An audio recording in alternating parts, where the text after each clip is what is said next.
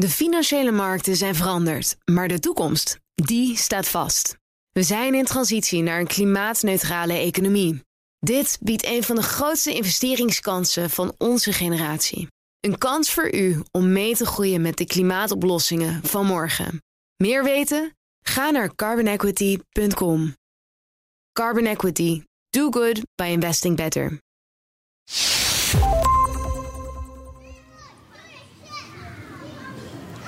Mijn kinderen spelen buiten in de tuin als ik aan de eetkamertafel zit en mijn vrouw me aankijkt met een iets wat ongeruste blik. Fysiek ben ik daar, maar mentaal ben ik afwezig. Ik praat weinig, kijk glazig in het rond en slaap ook al dagen niet echt lekker. Gaf mijn eerste zoektocht door het geldstelsel me nadien een gevoel van controle, bevind ik me dit keer eerder in een staat van rusteloosheid. Alsof ik alle puzzelstukjes heb gevonden, maar geen idee heb hoe ik de puzzel moet leggen. In zes maanden tijd sprak ik zeker 25 mensen. Economen, bankiers, journalisten, hedgefund-eigenaren, ga zo maar door. Ik keek naar de rol van de aandeelhouder, de multinational en het offshore financiële centrum. Ging langs bij de grootbank, sprak de hoogleraar en de handelaar op de beursvloer. Ik voerde gesprekken van twee, soms wel drie uur aan één stuk, om als financiële leek tot in detail te begrijpen wat er gezegd werd. Maar gaandeweg ontstond steeds vaker de behoefte om juist uit te zoomen. Wat is nou het grote plaatje? Maar vrijwel iedereen kon iets vertellen over zijn of haar specialisme, maar vroeg ik daarbuiten, dan werd men gereserveerder. Ja, ik, heb, ik moet, daar heb ik eerlijk gezegd niet zoveel over nagedacht. Dus kan ik nu wel een beetje gaan babbelen. Maar Nee. is goed. Ik weet het zo snel niet. Ik kan niet zo snel mijn gedachten ordenen over, de- over deze vraag. Ik weet daar in hele algemene termen weet ik daar wat van, maar niet zo heel veel. Maar wil ik mijn blik op de toekomst kunnen richten, heb ik rust in mijn hoofd nodig. Ik moet gevoelsmatig het helikopterbeeld schetsen, de waterkaart van het financiële ecosysteem. Om vervolgens deze als blauwdruk in te kunnen zetten om naar bitcoin en cryptovaluta te kijken. Dus ik maak mezelf nog één keer kwaad en doorloop alle interviews. En leg één voor één de stukken voor me neer.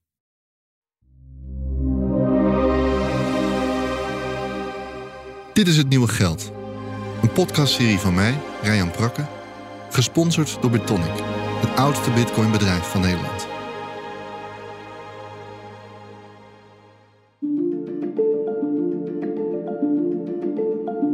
Ons financiële stelsel is de levensader van onze samenleving. Het is als het ware een soort hele basale grondstof die alles en iedereen nodig heeft om te kunnen produceren en te kunnen consumeren. Ze allokeert ons geld, maakt het mogelijk dat we kunnen wonen, bedrijven kunnen bouwen, kunnen lenen, sparen, verzekeren en betalen. Maar hoe een financieel stelsel eruit ziet, is net als geld geen vaststaand gegeven. Het is nooit een gegeven. Juist omdat we weten dat in andere landen ter wereld wel heel erg anders geregeld is dan bij ons, maakt al duidelijk dat er best wel alternatieve wegen te bewandelen zijn. En dat dat vaak gewoon een kwestie is van politieke keuzes. En in de afgelopen 50 jaar denk ik drie grote trends waar te nemen, die allemaal op elkaar ingrijpen: globalisering, deregulering en digitalisering. Globalisering en deregulering zijn grotendeels het gevolg van politieke keuzes. En toen werd uiteindelijk eind jaren 80 toch besloten om financiële markten meer vrij te geven. Er werd door de politiek gekozen voor wereldwijde kapitaalstromen. En macro-economisch zorgde dat voor groei. Maar micro-economisch verzaakten de politici vervolgens om de welvaart binnen landen eerlijk te verdelen. En ik vrees dat als je een analyse maakt, dat in heel veel landen eigenlijk die herverdeling gewoon kapot is. Huizenbezit werd gaandeweg gezien als essentieel voor de ontwikkeling van mensen, waardoor schulden genormaliseerd werden en de financiële sector alle ruimte kreeg om te groeien.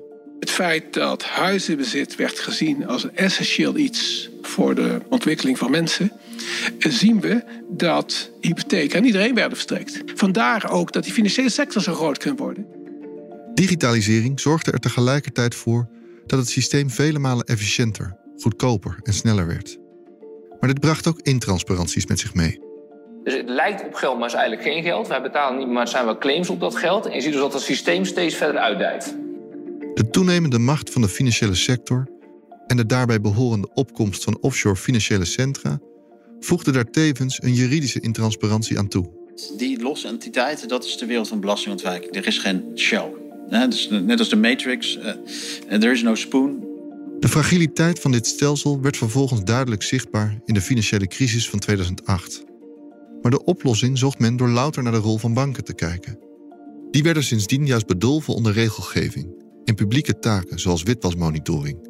Maar de echte systeemverandering die bleef uit. Iedereen zit daar hyper gestrest uit angst voor boetes van DNB een overmaat aan controle te doen, elkaar helemaal zoek te spelen. Dit maakte dat ze naar de pijpen gingen dansen van de toezichthouder. En zodoende juist voor instabiliteit ging zorgen. Ze doen precies wat de toezichthouder zegt. In een marktsysteem zou je verwachten dat partijen decentraal denken... Nou, als wij veilig willen zijn, als we willen dat partijen in ons investeren... hebben wij op zijn minst 10, 12, 20 procent eigen vermogen eh, nodig. Zo kon het gebeuren dat de schulden in de samenleving toenamen... omdat banken ervan uit konden gaan dat ze uiteindelijk door de overheid gered zullen worden. Het is heel zorgwekkend. Het betekent dus echt dat ze zich nog steeds als verlengde zien van de overheid. Dit alles heeft geleid tot een viertal perverse prikkels... die nu in de hele samenleving maar bovenal in de financiële sector duidelijk naar boven komen. Prikkel 1. Er is een collectieve focus op de korte termijn. Ieder kwartaal wordt er een verhaal verteld door de CEO zoals die tegenwoordig heeft. Nou, dat is een toekomst van de komende drie maanden. Daar is hij mee bezig of zij mee bezig. Prikkel 2. Iedereen stuurt hoofdzakelijk op financiële resultaten. En de waarde die men aan een investering kan onttrekken ten behoeve van zichzelf. Dat heeft te maken met het feit dat in de Verenigde Staten de idee van aandeelhouderswaarde opkwam. Prikkel 3. Digitalisering en de dominantie van onderpand hebben het systeem anoniem gemaakt, waardoor het steeds beter is gaan werken naarmate je meer in onderpand te geven hebt. De dominantie van onderpand heeft het mogelijk gemaakt om financiële leningen massaal door te verkopen. Dus de anonimiteit is daardoor versterkt. En op het moment dat je het doorverkoop van leningen ziet als een winstbron, omdat je daar marges op maakt, is het dus minder waardevol om in klant te investeren. Je gaat eigenlijk in onderpand investeren. Prikkel 4. De politiek heeft alle publieke ankers buitenspel gezet. Waardoor risico en beloning niet meer op één lijn ligt en het winstoogmerk veruit de belangrijkste pijler is waarmee de samenleving zich kan ontwikkelen. Ik denk dat het uh, problematisch is dat je een systeem hebt waarbij je uh, private commerciële spelers hebt die op winst gericht zijn en ook flinke bonussen incasseren in tijden dat het goed gaat. En dan een achtervang die met publiek geld wordt betaald. En met deze prikkels hebben we een systeem gecreëerd waarbij de macht concentreert. Heb je geld, dan is geld lenen makkelijker en goedkoper, waardoor je met geld geld kan maken. Dit geld zorgt er vervolgens voor dat je kennis in kan kopen en daarmee verstevig je constant je machtspositie. Zo zie je door de hele samenleving heen dat de macht concentreert naar steeds groter wordende partijen. En dat is een ander heel uh, belangrijk aspect van financialisering. Die macht van dat soort ondernemingen die eigenlijk, we noemen ze universeel eigendom hebben. Dus ze hebben alles in eigendom. Waardoor vandaag de dag in het kapitalistische systeem niet alleen bij de banken, maar op veel meer plekken juist de marktwerking ontbreekt. En al deze prikkels bij elkaar hebben ervoor gezorgd dat we vandaag de dag zijn overgeleverd aan de grillen van de markt. Iedereen focust op de korte termijn winsten, die financiële waarde onttrekken aan en ten koste gaan van de productiviteit van de samenleving. Terwijl we ondertussen de investeringen die maatschappelijk gezien noodzakelijk zijn om onze planeet bewoonbaar te houden, te langzaam of niet gefinancierd krijgen. Dit betekent vooral dat bedrijven niet klaar zijn voor de periode die we nu ingaan. We gaan een periode van energietransitie in. Dus dat, dat gaat waarschijnlijk een, een, een heel groot drama worden.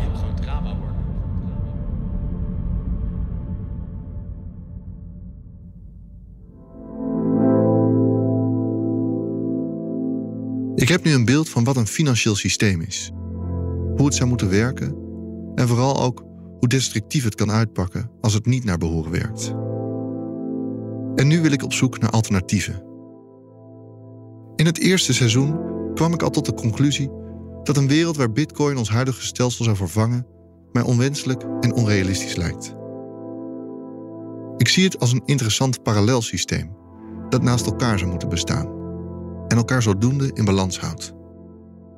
Daarom wil ik eerst op zoek naar een manier hoe we ons huidige systeem zouden kunnen verbeteren. Een tipje van de sluier. Om een idee te krijgen welke weg er te bewandelen valt. Om vanuit daar een blik te werpen op bitcoin en cryptovaluta. Voor een mogelijke herstructurering van ons huidige financiële systeem zit ik op 29 september 2022 in het auditorium van de TU Delft. In het midden van de ruimte staan zes hoogleraren stil in een rij.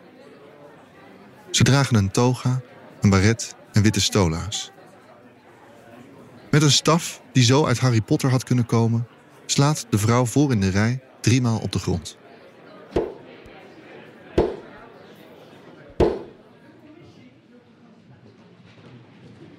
Iedereen wordt stil en er wordt ons gevraagd om te gaan staan.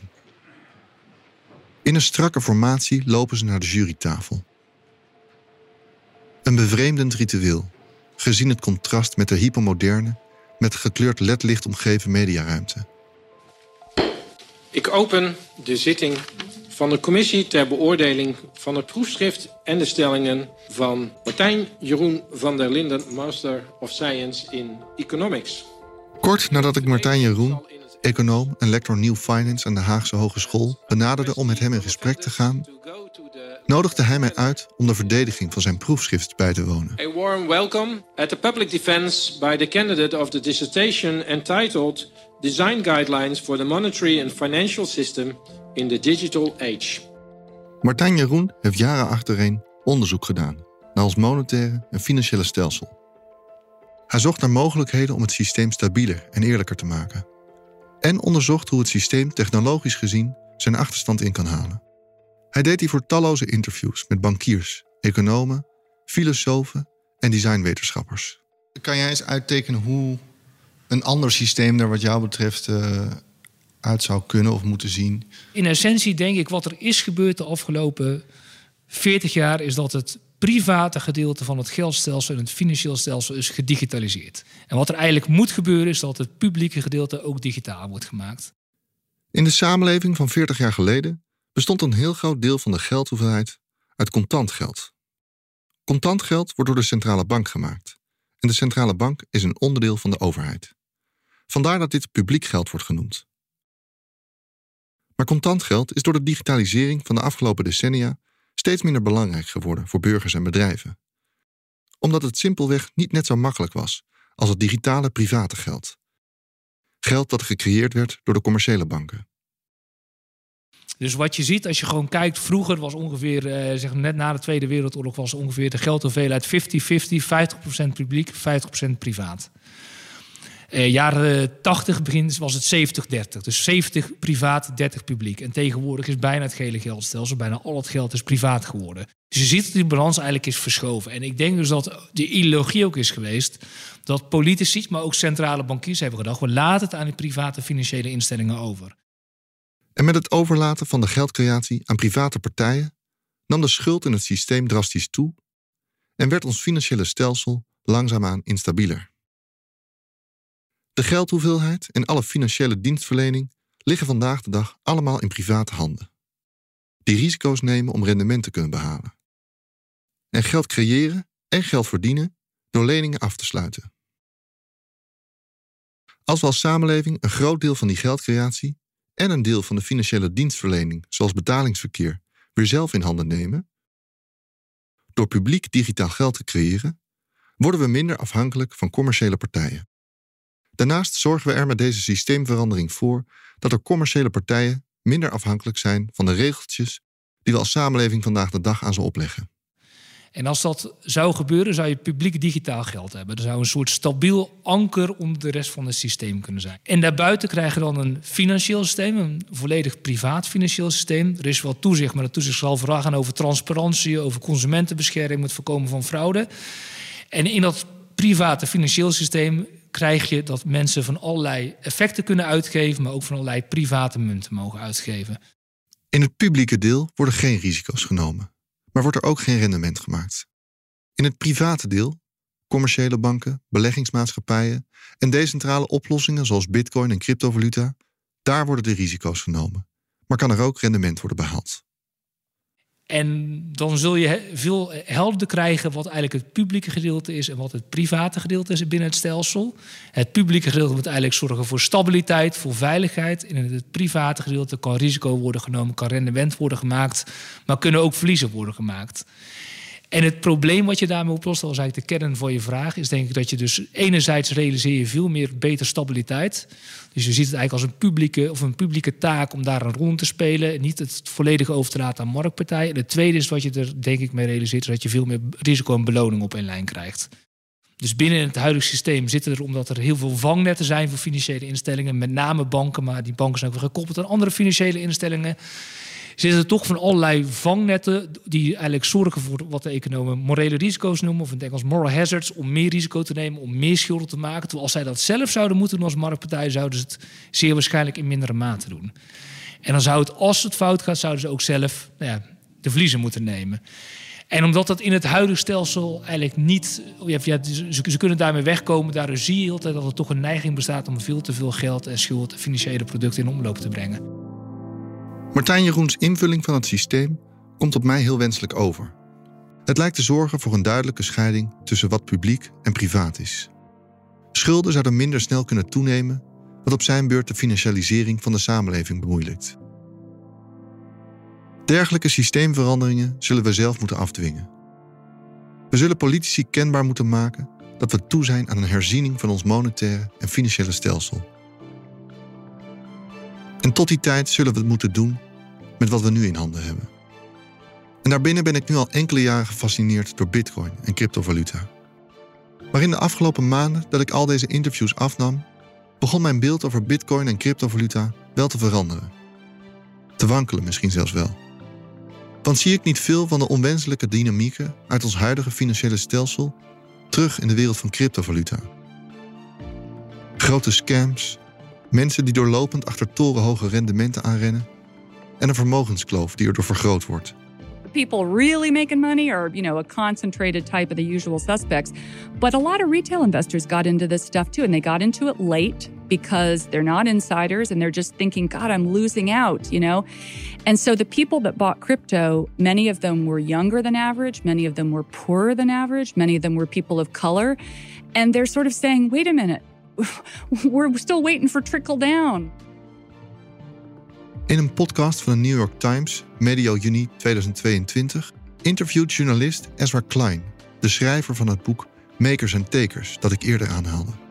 Het boek waarin zij de financialisering in de financiële sector en het bedrijfsleven tastbaar weet te maken.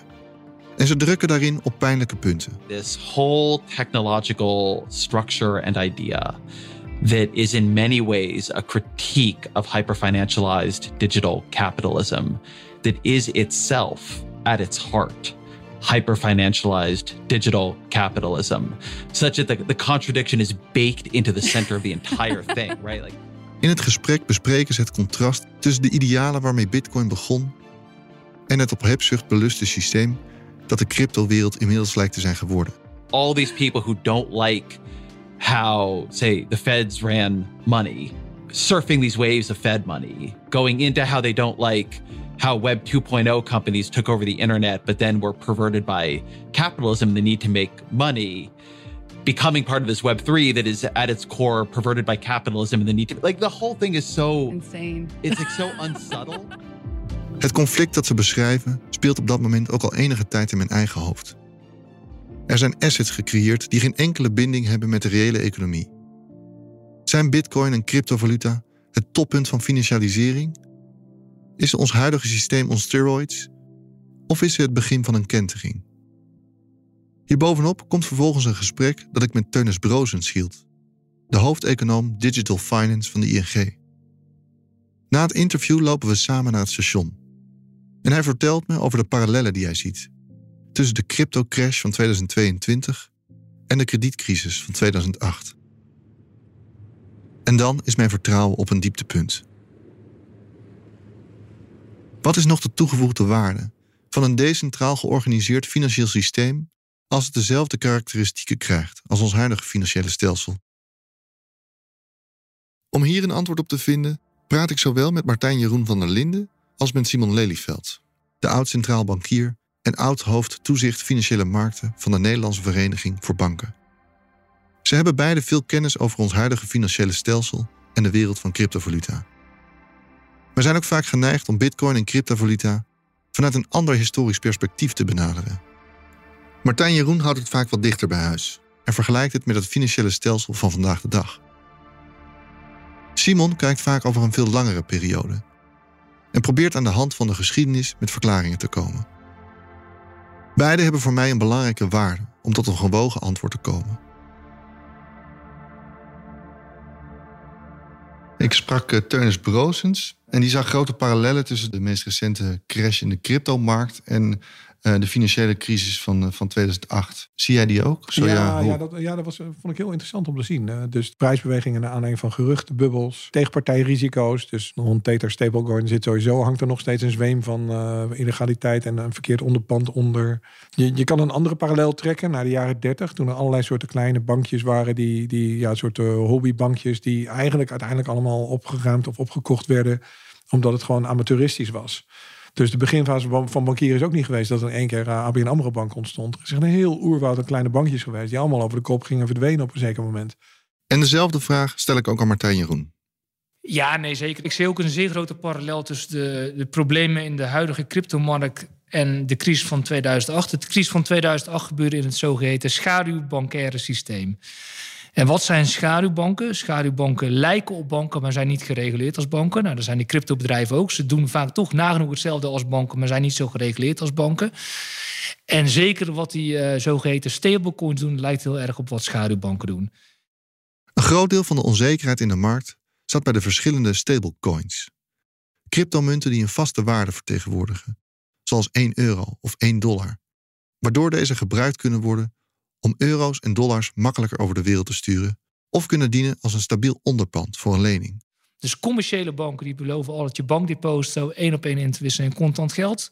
Schaduwbanken beloven heel vaak bijvoorbeeld een geldmarktfondsaandeel één op één in te wisselen voor een bankdeposito. Dus zij gebruiken hetzelfde soort construct. En die stablecoins zijn eigenlijk hetzelfde. Ze beloven altijd, als u naar mij toe komt, dan storten wij het geld weer terug op uw rekening. Maar als je naar hun balansen gaat kijken, dan zijn ze niet volledig gedekt. Dus zij doen eigenlijk hetzelfde wat de commerciële banken doen, fractioneel reservebankieren. Aan de ene kant hebben ze veel van deze, soort verplichtingen staan, die één op één wisselbaar zijn. En aan de andere kant van de balans zie je dat ze maar voor een beperkt gedeelte zijn gedekt voor direct opvraagbare dingen. Daar zit dus risico in. En op het moment dat die risico's naar boven komen, gaan mensen hun geld opvragen en moeten zij die waardepapieren op de markt verkopen. En dan blijken ze minder waard te zijn dan die één op één wisselbaarheid. Dus daalt die prijs, gaan mensen het wantrouwen en dan storten die financiële instellingen in. Als het dezelfde karakteristieken krijgt als dat we ook uh, in, de, in de, de wat meer donkere dagen hebben gezien van ons eigen financiële stelsel. Wat is dan nog de belofte die een, een decentraal financieel stelsel kan waarmaken als het feitelijk onderaan de streep gezien nou ja, ik, ik denk dus dat je als je over cryptomunten uh, uh, spreekt, je heel goed moet onderscheiden dat je verschillende soorten cryptomunten hebt. Dus ik denk in die zin dat Bitcoin is een vrij decentrale netwerkmunt. Maar zoals bij Tether, maar ook heel veel van die andere stablecoins, zit toch een centrale partij tussen. Die zegt decentraal te zijn, maar ze hebben gewoon een balans waar assets op staan, waar, waar ze, die ook liabilities. Hebben bezittingen en verplichtingen. Dus zij zijn eigenlijk helemaal geen decentrale munt. Ze zijn gewoon een nieuwe financiële instelling die gebruik maakt van blockchain-technologie. Maar in die zin zijn helemaal niks anders dan andere financiële instellingen. Uh, en dus dat je bij die cryptomunten zeer goed moet kijken naar ja, wat is nou eigenlijk, waar hebben we het eigenlijk over? De grote problemen werden veroorzaakt door de centrale partijen die gebruik maakten van de decentrale technologie. De belangrijkste decentrale protocollen zorgden zelf niet voor instabiliteit maar de regels of het gebrek daaraan waaraan de spelers in de markt worden blootgesteld. Vervolgens leg ik ze het dilemma van de New York Times journalisten voor. En zij zeggen eigenlijk in dat interview: op een bepaald niveau is crypto het toppunt van financialisering. Het is in zichzelf hyperfinancialized digital capitalism. De contradictie zit hem in het feit dat het tegelijkertijd gestart is als een soort protestbeweging tegen die gefinancialiseerde samenleving waar banken een centrale rol in hebben. Ik, ik merk ik, eh, dat ik hier zelf ook een beetje op stuk loop. Ik denk, ja, wat. Nee, ik ben het uh, eigenlijk zeer met eens ook met de paradox. Dus ik heb zeker in de begintijd van uh, crypto... heb ik ook best veel lezingen in de, de Bitcoin of crypto community gegeven. En het is... Eigenlijk zag je twee soorten mensen in de zaal zitten. De eerste die gewoon heel idealistisch waren. Die inderdaad een soort netwerkmaatschappij. Dat beeld hadden ze voor ogen, daar wilden ze aan werken. En de anderen waren vooral in geïnteresseerd van... wat denkt u dat de prijs van bitcoin volgend jaar is? En je, denk, je ziet denk ik dat die tweede uh, partij heeft gewonnen. Uh, dus dat het steeds meer eigenlijk is gaan zitten, zeker bij Bitcoin en ook de grootste cryptomunten, heel erg profiteren van die waardestijging. Dat als je erin zit, ja, dan ben je ook eigenlijk gek als je eruit stapt, want je zult maar die lul zijn die, ze, die te vroeg heeft verkocht. Dus dat steeds mensen ook zo erin zijn gaan zitten. De hebzuchtige beleggers hebben inmiddels de overhand. Maar dat is slechts één kant van het verhaal. En anderzijds denk ik dus ook wat het heeft, ook nog heeft versterkt... is eigenlijk ook dat hele ruime monetair beleid van centrale banken. Dus dat daar ook eigenlijk de fout weer in het bestaande stel zit. Die hebben zoveel geld, er zijn zo... de renteslaag zelf zoveel geld gecreëerd... dat heel veel mensen hebben gewoon geld. Dat is inflatie. Dus we gaan maar in alles investeren wat kan.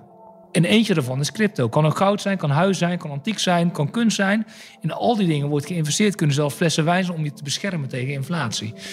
Dus je ziet in die zin dat het heel moeilijk is om zo'n geldstelsel los te koppelen van het huidige stelsel. De ontwikkeling van een nieuw financieel stelsel zal altijd gebukt gaan onder de perverse prikkels van het heersende stelsel. Daarom is het niet helemaal fair om deze onwenselijkheden volledig aan bitcoin en cryptovaluta zelf toe te schrijven. Daarnaast heeft ook hebzucht een functie, hoor ik van Simon Lelyveld. Op een heel abstract niveau is techniek en hebzucht in zekere zin heel mooi twee kanten van een medaille. Eh, techniek leidt tot mogelijkheden. Mogelijkheden leiden tot ondernemers die kunnen eh, besluiten veel geld te verdienen. Dat is één. En nog een omliggende kring van mensen kan gedreven door hebzucht besluiten om in die technologische innovatie in te stappen. Dan investeer je in stoomtreinen, spoorwegen of bitcoin. En als je kijkt naar technologie-invoering in een samenleving, leidt dat per definitie tot een soort van disruptie. Dus of het nou zonnepanelen zijn of bitcoin of wat dan ook. Zodra er een nieuwe technologie is, ontstaan er nieuwe kansen.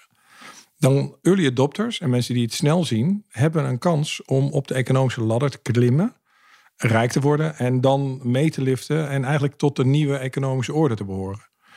Uh, hoger te stijgen in, in de ladder en uh, dat leidt tot opwaartse mobiliteit in, in de samenleving. En dan is de vraag, ja, maar hoeveel mobiliteit staan we toe? Hoe rijk mag je worden? Wat is een gerechtvaardigd salaris? dus zijn, zijn, zijn ze niet te hebberig? Nou, in een democratische, open, economische samenleving... Ja, mag iedereen dat netjes doen binnen de grenzen die de politiek aangeeft. De politiek bepaalt de richting. En als je het mij vraagt, zou het meer dan redelijk zijn... om vermogenswinsten, zoals van bitcoin en cryptovaluta... veel zwaarder te belasten. Want hou je de belasting laag, zoals nu het geval is, dan zal de technologische vernieuwing bijdragen aan de versterking van de reeds bestaande vermogenskloof in de samenleving. Dus Bitcoin levert aan de ene kant een kantelpunt op, omdat je dan uh, de, de rijke mensen hebt die nog rijker kunnen worden. Dus Pantera Capital, zo'n investment fund, die is heel vroeg begonnen bitcoins te sparen. Ja, daar zijn dus een groep van rijke mensen die gewoon elke, elke week duizend, uh, duizend dollar konden missen ja, die hebben gewoon uh, voor de grap erin, zijn ze erin gestapt en zijn nog veel rijker geworden. Dankzij een democratiserende technologie. Ja, dat is, dat is niet wat je wil. Tegelijkertijd aan de andere kant van het spectrum heb je mensen in Venezuela die hun geld kunnen veiligstellen door het naar vrienden in een ander, ander land van de wereld te sturen. Dus die technologie heeft heel veel gebruiksmogelijkheden, heel veel facetten. En vervolgens is de vraag: um, hoe reageer je als samenleving daarop? En wat is het dominante verhaal? En wat is dat dominante verhaal volgens jou? Dat dominante verhaal is voor bitcoins heel erg gekleurd. Ja, door twee dingen. Door de klassieke mensen die in het bankentoezicht zitten en zeggen: ja, maar dat is betalingsvuur of bankieren, dus dat moet je zo reguleren. Of dat is typisch weer een witwasmiddel en daar moeten we wat mee doen. Dus dat is een heel dominante lijn. Um, er is ook een heel dominante lijn van, van de believers in de bitcoin en de blockchainhoek. Die gewoon helemaal niks weten van geld en geldverkeer. En toch roepen dat het het nieuwste geld van de wereld wordt. Ja, dat is ook onzin. Dat, uh, sorry jongens, maar het is echt veel ingewikkelder dan dat. En de, er is een veelheid aan kijkwijzes mogelijk. Daar moet je niet bang voor zijn, maar je moet in de gaten houden waar liggen de grenzen en hoe bewaak je die. Ook met betrekking tot Bitcoin lijkt de samenleving te polariseren. De voorstanders lijken meer dan eens blind voor de kennis die er ligt bij centrale bankiers, economen en toezichthouders. En de gevestigde partijen kijken met een bepaald dédain naar de crypto-scene. Neemt het maar met moeite serieus of zoomt alleen in op de negatieve aspecten. En zolang niemand elkaar de hand reikt, zullen de reeds bestaande vooroordelen verharden. En lopen we de kans om een democratiserende technologie af te schrijven omdat het niet past binnen onze hedendaagse denkwereld. En dat hoewel we de afgelopen jaren hardhandig hebben geleerd dat de dag van morgen heel anders wordt dan de dag van vandaag. Het is 100% zeker dat we een overlay over onze feitelijke wereld gaan krijgen. Met een virtuele wereld on top of de feitelijke wereld. Of je dat nou metaverse noemt of iets anders, maakt niet uit. Het is onvermijdelijk dat er augmented reality toepassingen komen. Daar is een oerwoud aan technieken dat zich uitontwikkelt. Dan gaat ook kunst digitaal worden. Nou, dan kun je heel erg moeilijk doen over NFT's en dat kan allemaal niet, enzovoort, enzovoort. Maar je kunt ook snappen, ja, natuurlijk kan kunst ook digitaal zijn. Open your mind. Die techniek gaat ergens heen, die kant uit. Maar daar is een onbepaald en oneindig toekomstpotentieel ligt daar. En dan ga je nu vanuit een bekrompen blik op de financiële sector van ja, dat slaat allemaal nergens op. Het is drie keer niks. Dat is zo zonde. er is meer te zien en te ontdekken. Dus, dus bekijk, eh, ja, sta meer open. Onderzoek die techniek en die technologie. Probeer te begrijpen welke gebruikerswerelden er zijn waarin die techniek gebruikt wordt. En waarvoor die gebruikt wordt. En stel daar vragen bij. Wenselijk of onwenselijk, het is het allebei. De technologie verandert doorlopend, maar heeft geen eigen wil. Wat we zelf willen als samenleving, daarover moeten we in gesprek. Want hoe interessant en ingenieus ook, elk financieel systeem, decentraal of niet, kent zijn eigen gebreken en perverse prikkels. Er is simpelweg geen perfect systeem.